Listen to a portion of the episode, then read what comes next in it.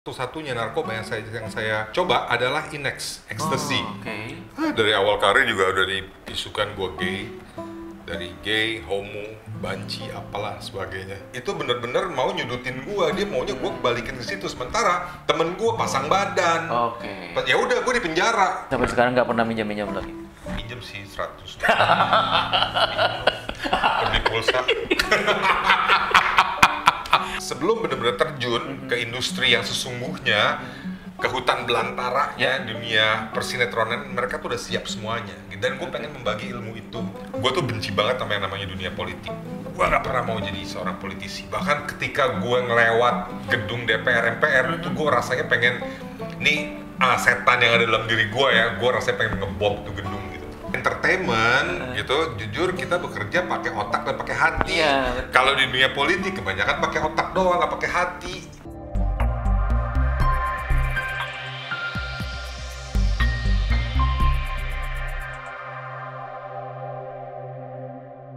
Sebelum lanjut nonton video ini, jangan lupa tekan tombol subscribe, nyalakan lonceng, like, dan share.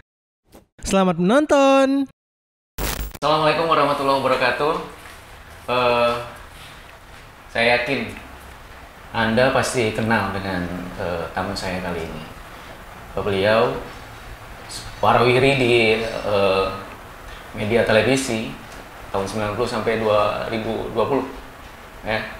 Politisi juga, membawa acara, artis. Ya, siapa lagi kalau bukan Krisna Mukti? Eh, assalamualaikum warahmatullahi wabarakatuh. Sehat?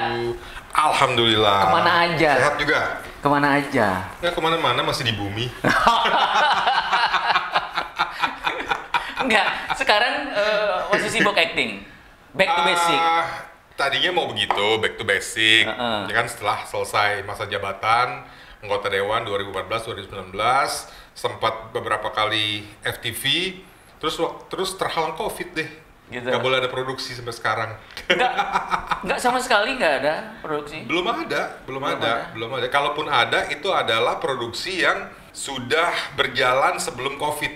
Nah sekarang, sekarang um, mereka boleh mulai lagi gitu. Jadi produksi Jadi itu kalau- belum semarak seperti dulu. Ngapain ngisi waktunya apa ini?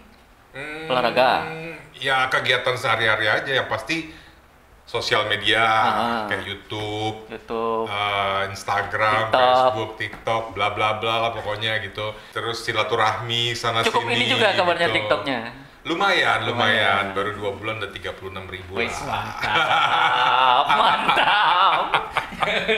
Terus Gitu. saya panggilnya apa ini? Bang Krisna, Mas Krisna. Boleh bang, boleh mas, boleh Oke. kang, ah, boleh apa aja lah. Kalau lihat perbedaan ini eh, Mas Krisna bahwa keartisan zaman dulu dengan waktu zaman eh, sekarang gitu waktu zaman eh, Mas Krisna mulai sekali itu eh, di mana sih bedanya? Bedanya jauh banget. Kalau dulu kita benar-benar harus berusaha casting sana, casting sini, apalagi Sendiri? Sendiri. Apalagi kan uh, dulu itu belum belum banyak media, gitu. Media televisi juga masih TVRI. TVRI, Jam- betul. Zaman saya uh, apa namanya awal-awal karir itu kan cuma ada TVRI doang. Jadi ya castingnya di TVRI gitu. Nah setelah itu muncul TV-TV selanjutnya kayak TPI, RCTI, Ya, SCTV ya, TV dan lain-lain. lain. Ya, TV swasta. Itu masih mending lah udah udah udah lebih banyak uh, kesempatan. Tapi waktu di TVRI itu benar-benar kita itu harus uh, berjuang semampu kita gitu ya untuk mem- apa untuk memperlihatkan bakat kita yang benar-benar real gitu. Uh, bahwa kita memang mampu untuk menjadi seorang pemain pemain dulu pemain drama ya, Ya, pemain drama, drama, di ya. TV TVRI atau bahkan seorang penyanyi gitu.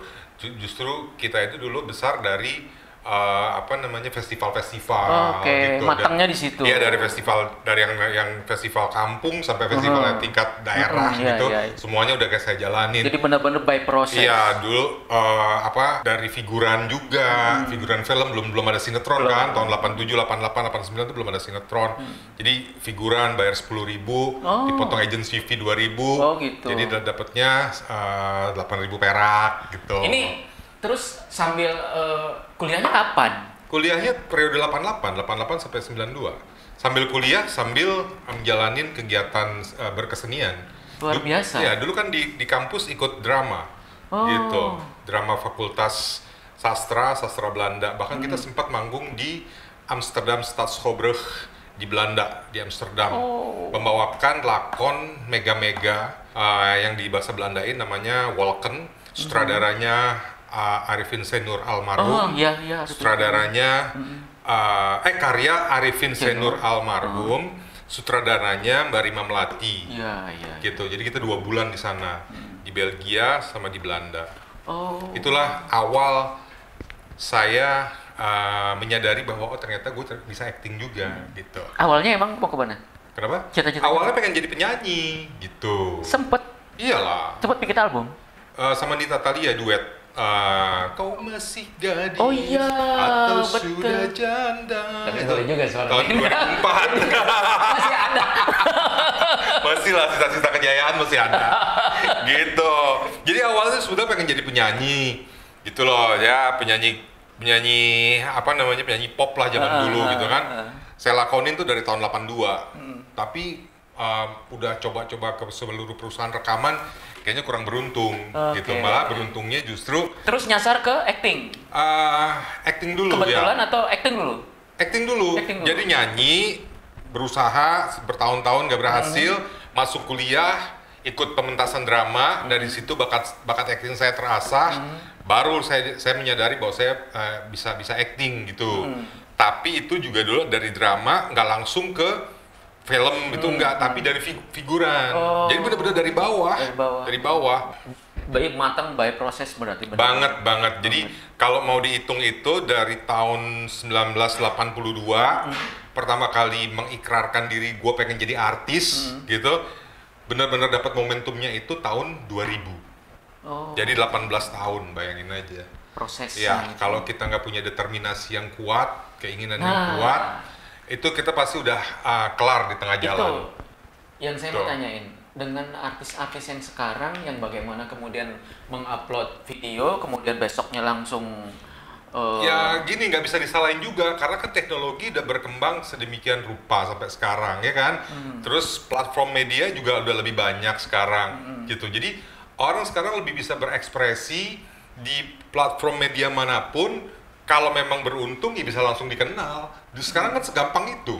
eh, tapi kan Gitu. seumur jagung men Nggak juga, maksudnya ada juga yang yang memang seumur jagung, Hmm. ada juga yang memang uh, bisa bisa eksistensinya bisa lama gitu. Kalau memang dia serius Hmm. gitu menekuni dunia acting atau dunia seni apa pun lah, dia mau belajar lagi, Hmm. ya kan? Dia mau mengeksplor lagi kemampuannya dan dan lain-lain. Dan dengan faktor luck yang ada pada dirinya, dia bisa langgeng. Soal artis yang eh, identik main eh, narkoba itu menurut anda bagaimana Ya dari dulu sebetulnya ya narkoba itu dari zaman dari zaman saya belum jadi artis pun juga memang Memang sudah ada. Sudah Ada. ada. Bahkan zaman dulu itu kalau menurut saya narkobanya lebih Lebih lebih parah gitu kan, kokain lah, apalah ya. apalah ya kan, gitu. pernah nggak bersinggungan dengan itu Enggak, saya satu-satunya narkoba yang saya yang saya uh, coba adalah Inex, ecstasy. Oh, oke Ah, itu tahun 97. Habis itu saya nyoba, padahal cuma seperempat. Hmm. Saya kayak orang nggak bisa jalan, kayak orang OD jadi malahan. Karena kaki saya tuh yang yang apa kayak stuck gitu. Aha. Malah nggak bisa. Saya pikir ah ini mungkin baru pertama kali ya Hmm. nyoba gitu, lemes banget. Nyoba lagi yang kedua, begitu lagi. Ya udah akhirnya memang saya berkesimpulan gue kagak bisa Hmm. berarti pakai kesadaran narkoba. dari diri sendiri itu Tubuh yang nggak bisa tuh tubuhnya nggak terima gitu jadi gue tuh rokok juga nggak bisa Oke. kalau rokok gini ya nikotinnya Uh-uh. nempel di langit-langit Uh-uh. lidah ini gatel Oh. gitu jadi gue nggak bisa ngerokok nggak bisa minum minuman keras nggak bisa narkoba gitu semuanya udah pernah gue coba tapi gagal semua Berarti dari dulu lo nggak pernah sama sekali rokok? enggak, enggak pernah. Itu dia makanya rokok kok malah gatel ya. Ini gua nggak enak gitu. Terus pahit mulutnya jadi pahit. Minum juga gitu, gitu. Badan jadi gatel-gatel. Jadi emang badan gua udah nolak, nolak, nolak hal-hal yang kayak gitu. awet muda ya. Alhamdulillah berkat air wudhu. Terus gini juga, ini yang sebenarnya yang di dari dulu yang bikin eh, semua penasaran. Mas Krisna ini pernah diisukan gay. Ah, dari awal karir juga udah diisukan gua gay. Dari gay, homo, banci, apalah sebagainya. Gua ini loh, maksudnya lintas gender. Gua tuh Ah, bergaulnya lintas ah, gender. nggak cuman dengan Apalagi dengan public status public Iya, gitu. Dengan dengan laki-laki gue bergaul, dengan perempuan gue bergaul, dengan yang LGBT juga gue bergaul, gitu. Jadi kadang orang suka salah menerka kan, Iya. mereka cuma guessing Iya. aja. Apalagi nggak pernah lihat gue pacaran sama siapa Iya, sih, iya, gitu. iya. Jadi nggak apa-apa. Menurut dan menurut gue itu adalah bumbu-bumbu gosip yang memang diperlukan di dalam dunia entertain, enter- enter- ah, Berarti entertainment. lo anggap Gitu. itu emang biasa aja? Biasa aja. Nggak, Biasa nggak aja. keganggu sama sekali? Enggak. Keluarga gue juga gak keganggu, biasa aja. Oh, Gitu. luar biasa. Ya, alhamdulillah digosipin. Promosi digosipin, digibahin, itu kan berarti berkahnya buat gue. Iya, Sampai ngurangin- nanti di akhirat. Ngurangin dosa. Nah, ngurangin dosa, ya kan? Gitu, biarin aja. Tapi emang Gitu. gue belum pernah lihat lu dengan pasangan gitu loh. Ya Hmm. wajar dong kalau ada yang kayak gitu. Ya nggak apa-apa, terserah aja. Mau bilang mau bilang gue apa juga, gue gue nggak gue nggak pernah masalah. Hmm, ya, gitu. oke. Kalaupun gue punya pasangan, Heeh. Gue nggak pernah mau yang gembar-gembor biasa Hmm. aja. Kecuali nanti gue udah menikah gitu barulah kasih tahu publik. Dulu pernah juga heboh masalah eh, ditahan katanya. Ya, ditahan. Hmm. Itu sebenarnya gimana sih? Ceritanya Heeh. long story sebut, tapi gue make it short ya. Oke. Gue tahun 2009 nih, gue punya eh, planning mau bikin satu penginapan di Sukabumi. Terus gue pinjam duit sama lo, gitu. Lo temen gue, gitu. Bro, gue pinjam duit dong sama lo 350 juta, gitu ya. Oke, gue bisa ngasih pinjam lo, tapi gue nggak bisa langsung ngasih 350. Tapi gue kasih lo pinjam se, se- apa seminggu, mungkin seminggu sekali 10 juta, 15 juta. Oh, oke. Oke lah nggak apa-apa, Uh-uh. ditransfer-transfer lah ke Oke, gue oke, gitu kan ya gue pikir dia kerja di kantor ya gue terima-terima aja ntar tinggal gue catat gue tinggal balikin nah ternyata temen gue itu melakukan hal yang apa ya maksud gue tidak baik Oke. dia mengambil uang dari kantornya untuk dipinjamkan ke gue. Oh. gitu loh. Nah jadi gue kena. Oh. gitu. Kan kan ditransfer transfer ke Iya, gue terus iya, setelah iya, dilacak iya, kan? iya. gue dibilangnya gue pena- penadahan. Oh, oke. pasal berapa sih? 348 ya kalau nggak salah. Penada pasal penadahan gitu. Nah gue buktikan lah di pengadilan bahwa gue memang tidak seperti itu. Dan gue balikin duitnya. Akhirnya gue memang benar-benar terbukti tidak bersalah. Tapi itu prosesnya panjang sampai satu tahun Oh. karena kejadiannya kan di Kendari Oh Tuh. iya iya betul Iya. di luar itu. Nah itu kadang-kadang gue kesel juga sama para hakimnya nih, mohon maaf ya. Begitu udah dateng, kan kita butuh biaya dan betul, lain-lain kan ya. Tiba-tiba di cancel, Iya, nunggu iya. lagi sebulan depan, Iya, kayak gitu. betul, Itu yang betul. bikin lama, gitu loh.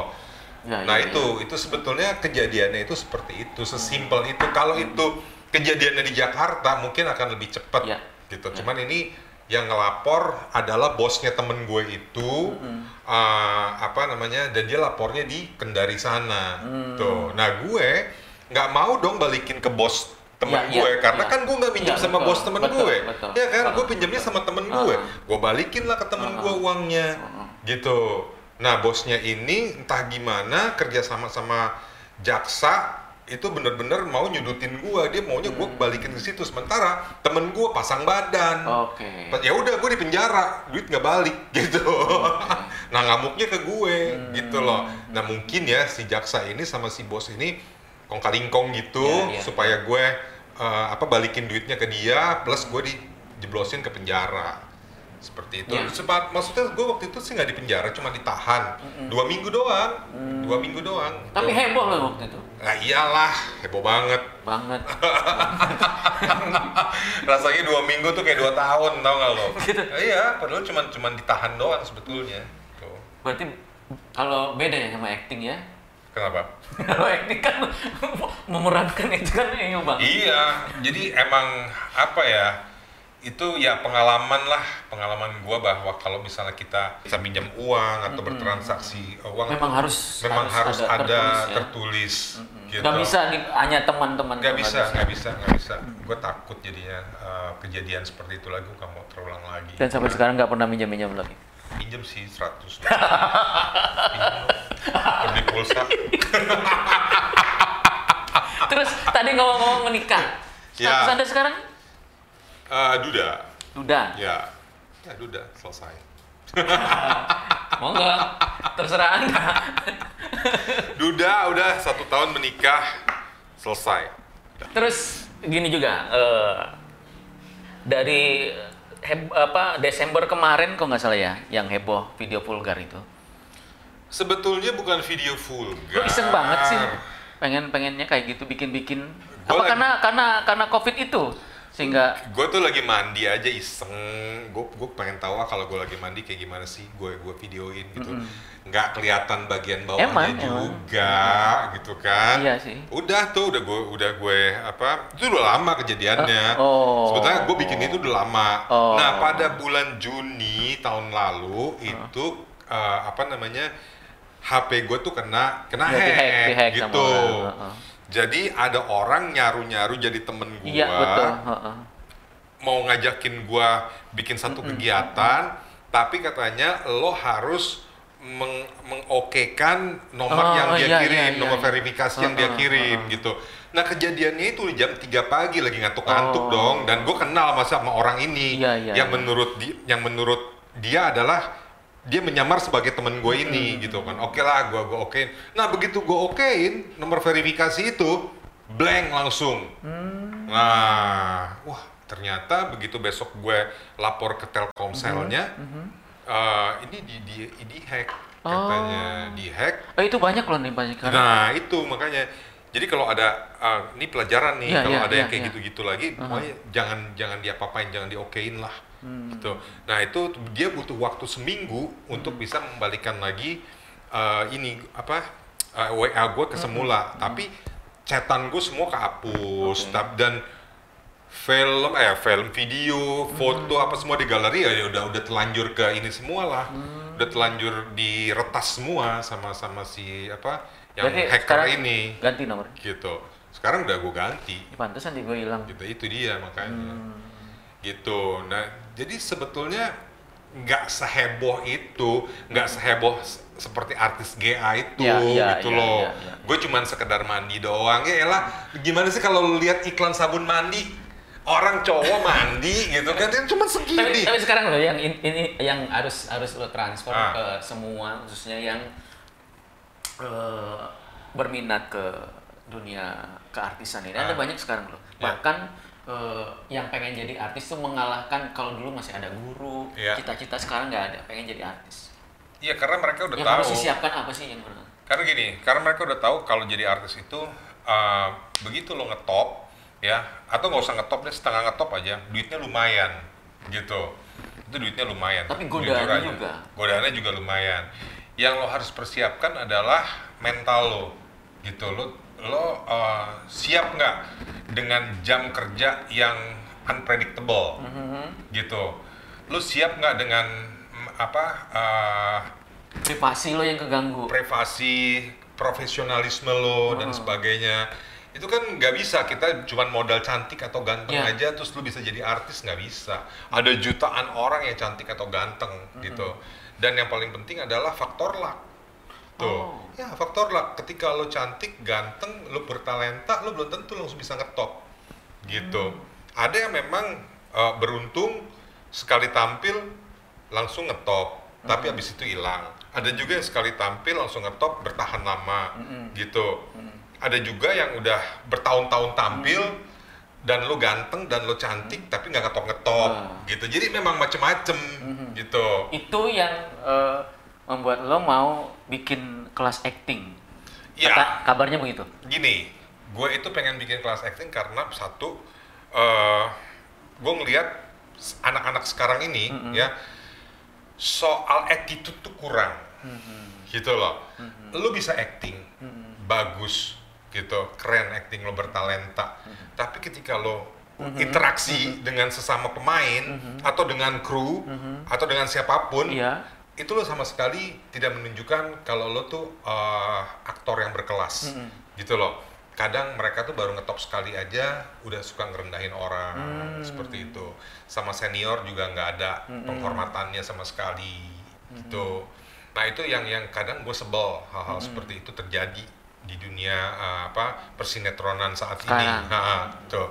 jadi menurut gua selain skill yang memang dibutuhkan untuk uh, apa Terjun ke dunia Terjun ke entertain, dunia entertain ini. sinetron terutama Sinetron, oke. ya kesiapan mental lo juga harus eh, apa namanya di di diasah Diasah. gitu Attitude juga. ya profesionalismenya Profesionalisme. juga gitu dan juga adalah eh, ketika lo udah jadi pemain lo lo menyatakan diri lo sebagai pemain Mhm.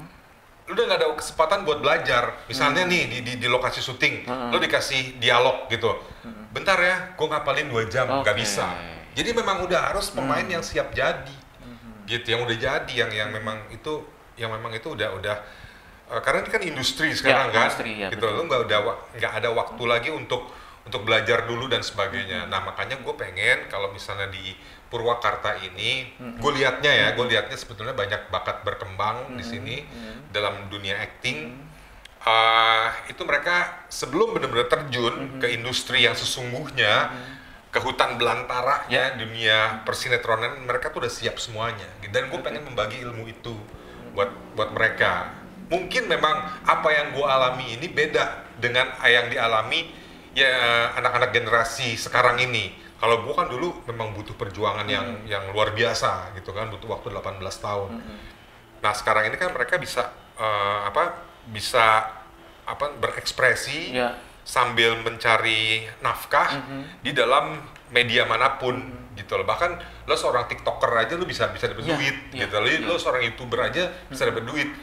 Kita dulu mana mana punya Ya. hal-hal seperti itu, gitu kan? Cuman secara mental Harus disiapkan. disiapkan gitu. Nah kadang-kadang nih, kadang-kadang yang balik lagi ke dunia apa tadi yang pertanyaan lo ke dunia narkoba Aha.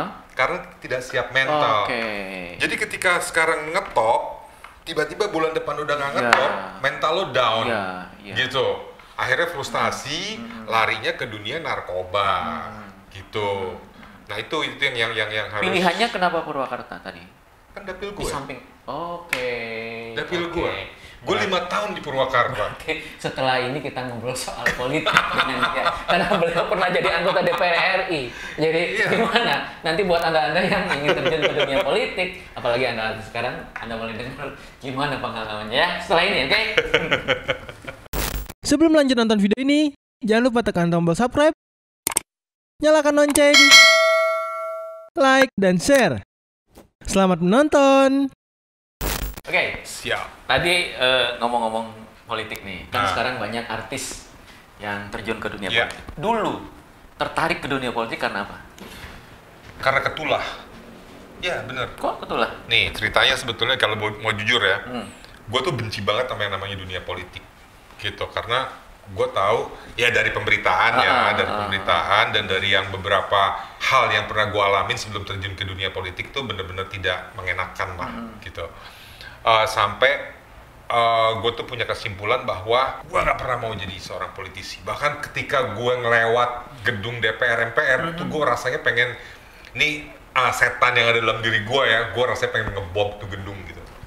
Segitunya, Iya. segitu bencinya. Sampai segitu bencinya gitu lah. Ih, amit-amit dah pokoknya Nauzubillah bin Zalik gue gak Terus, mau terus sampai lo bisa keseret ke sana? Nah, tiba-tiba Caimin tahun Ah. 2013 Ah. PKB Ah. itu mencari uh, figur figur caleg Ah. dari artis lah Ah. gitu yang mau direkrut sama PKB, PKB. gitu. Nah entah kenapa, entah setan dari mana juga kok gue mengiyakan gitu loh. Padahal kan gue benci banget ya. Gitu. Nggak dihipnotis dong. nggak nggak dia ya udah deh gue coba gitu kan padahal waktu itu ya ya sorry tuh saya gue masih arti kata karir gue lagi bagus bagusnya Ah, bagus-bagus, ya, betul. lagi bagus bagusnya gitu loh bukan bukan arti kata gue men- menjadi pelarian ke Ah, politik karena gue lagi udah nggak laku lagi, udah nggak nggak? laku lagi Bukan. nggak gitu Betul emang.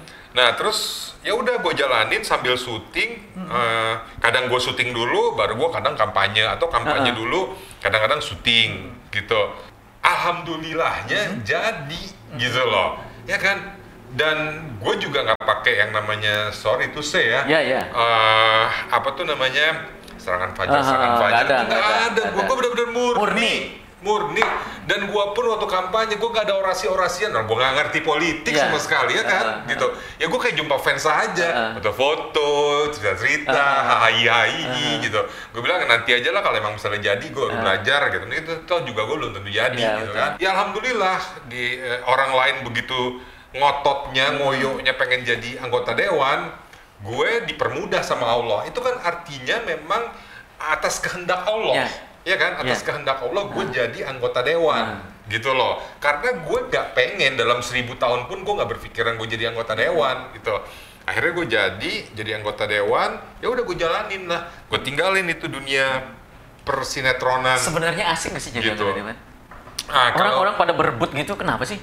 keasikannya karena kita bisa lebih langsung membantu masyarakat ya gitu loh. Membantu masyarakat dari program-program yang disiapkan oleh pemerintah kita kita gelontorkan kepada masyarakat itu rasanya uh, apa bahagia banget buat kita gitu loh. Uh, bisa sih kita sebetulnya kalau kita bukan sebagai anggota dewan pun kita kadang ngebantu orang. Tapi itu kan jatuhnya sedekah Iya. gitu ya kan? Kalau ini kan benar-benar bantuan dari negara Iya. yang kita apa namanya kita gelontorkan untuk masyarakat gitu itu Ya dalam arti rasanya kata lo lebih banyak bisa bicara di situ. betul dan bantuannya itu kan macam-macam Ya. gitu kan dari yang kecil sampai yang besar dari skala besar dari yang cuma bantu eh, ngasih sembako sampai yang bikin sekolah misalnya gitu kan Hmm. taruh misalnya kalau kita pakai dana sendiri kan belum tentu seperti Ya, itu betul, betul. gitu kan Betul. nah itu eh, apa ya sisi sisi positifnya tuh di situ Hmm. gitu sisi negatifnya adalah godaan untuk korupsi iya. Besar. Jujur aja besar. Korupsi iya. Serius? Serius gitu. Jadi banyak banget hal-hal yang gua nggak bisa cerita di sini Oke. gitu ya. Oke. pokoknya confidential itu yang mem- yang kalau kita nggak kuat iman memang kita bisa terperosok. Terperosok untuk apa namanya ngikutin jalan yang nggak bener ini Mhm. gitu kalau kita mujur ya kita aman-aman aja Mhm. kalau kita apes ya akhirnya jatuhnya nanti ke hotel prodeo Ya, ya, gitu ya. kita kan nggak pernah tahu hal-hal seperti itu ya kan Sekarang sudah eh, Tuh. tidak lagi Ya. di, di apa di Senayan. Sekarang sudah jadi free man. ya Nah, ada kemungkinan lagi sih balik? never say never Jangan gitu. Jangan gitu. Bukan gini loh. Karena kan memang dari awal tadi gue udah bilang, gue itu sebetulnya nggak niat untuk di dunia politik gitu loh. Cuman karena Allah yang menghendaki. Berarti kalau ada yang gitu. nawarin oke dong. Iya, makanya tadi gue bilang never say never. Kalau misalnya sekarang ini sih gue nyantai-nyantai dulu lah gitu. Gue masih belum mikirin mau terjun ke dunia politik lagi atau gimana gitu. Soalnya kesan waktu itu masih masih masih cukup familiar, terutama di emak-emak. Iya. Alhamdulillah itu kan berkat hasil perjuangan gue dari tahun 1982 15 tahun. gitu kan? Gitu loh arti kata. Cuman ternyata di politik ini beda sama di dunia entertainment. Gitu loh kalau dunia entertainment gitu jujur kita bekerja pakai otak dan pakai hati. Iya, betul. kalau di dunia politik kebanyakan pakai otak doang nggak pakai hati. Serius, Say? serius. Nih kalau kasarnya Eh. ya either lo curang atau lo dicurangin. Dah pilihannya cuma itu Keras banget. ya gitu either lo curang Bertentangan banget sama ya either lo curang atau lo dicurangin dari curang yang levelnya paling rendah Uh-huh. sampai level yang paling tinggi gitu segitunya. segitunya segitunya itu yang gue alamin itu Tapi yang gua bisa alamin. bertahan di situ. ya ya pada akhirnya jujur aja gue nggak banyak dapat kesempatan Hmm. gitu karena gue tidak mau berbuat curang gitu kalau gue mau ngikutin berbuat curang ya gue mungkin akan lebih kaya daripada sekarang tapi gue nggak tahu nasib gue apakah gue berakhir mujur ataukah berakhir di hotel Prodeo Ini ini terakhirnya. Apa sebenarnya yang ingin lo sampaikan kepada terutama eh, artis sekarang yang Hmm. ingin ke politik ataupun eh, newcomer nanti yang ingin ke dunia artis? intinya adalah ya ketika lo memang berniat untuk menjadi seorang anggota dewan anggota dewan eh, mana pun dari tingkat DPRD kabupaten provinsi sampai DPR RI niatkan dalam hati tanamkan dalam otak lo dan hati lo bahwa lo kerja ini adalah benar-benar untuk masyarakat. Gitu loh politik adalah untuk mensejahterakan masyarakat, bukan untuk memperkaya diri sendiri, bukan untuk gengsi-gengsian, bukan untuk martabat, bukan untuk jabatan, bukan untuk level-levelan, gitu. Jadi lu harus berani, benar-benar berani meninggalkan dunia glamor lo itu, ya di belakang, gitu. bisa juga lo kadang-kadang lo pakai dunia glamor lo itu untuk melobi, melobi untuk kebaikan, gitu.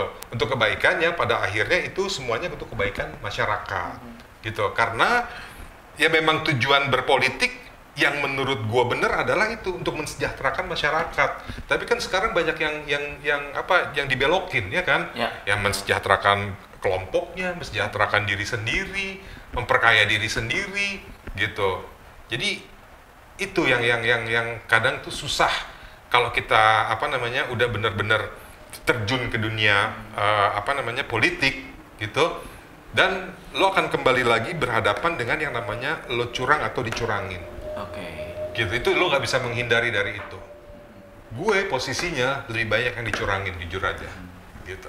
Tapi kalau ada yang ngelamar, misalkan kebanyakan sekarang kan artis eh, jadi pejabat, Mhm. siap jadi bupati atau wakil bupati. insya Allah deh pakai deh. Gue nggak tahu ya. Gue nggak tahu. Gini loh. Maksudnya gue nih manusia Heeh. gitu kan.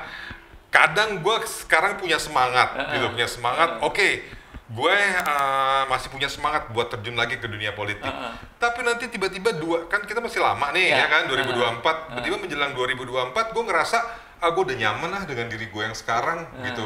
Gue udah pernah jadi anggota anggota dewan Nah. dan kayaknya nggak cocok buat gue gitu nggak deh gue terima kasih gitu gue di sini aja kita kan nggak pernah tahu hal-hal seperti itu terjadi Tapi ya kalau kan? yang bikin kelas acting pasti itu. itu pasti insya Allah Oke. itu pasti karena itu zona nyaman gue Mudah-mudahan sukses. Amin, amin, Terima amin. kasih sudah Thank you banget, thank you banget. Mudah-mudahan eh, semua yang Ya, tapi kalau lo jadi gue jadi anggota dewan lo bantuin gue lagi ya Of course lah. ini salah satu orang yang selalu bantuin gue nih gue gak pernah lupa jasa lo Kita.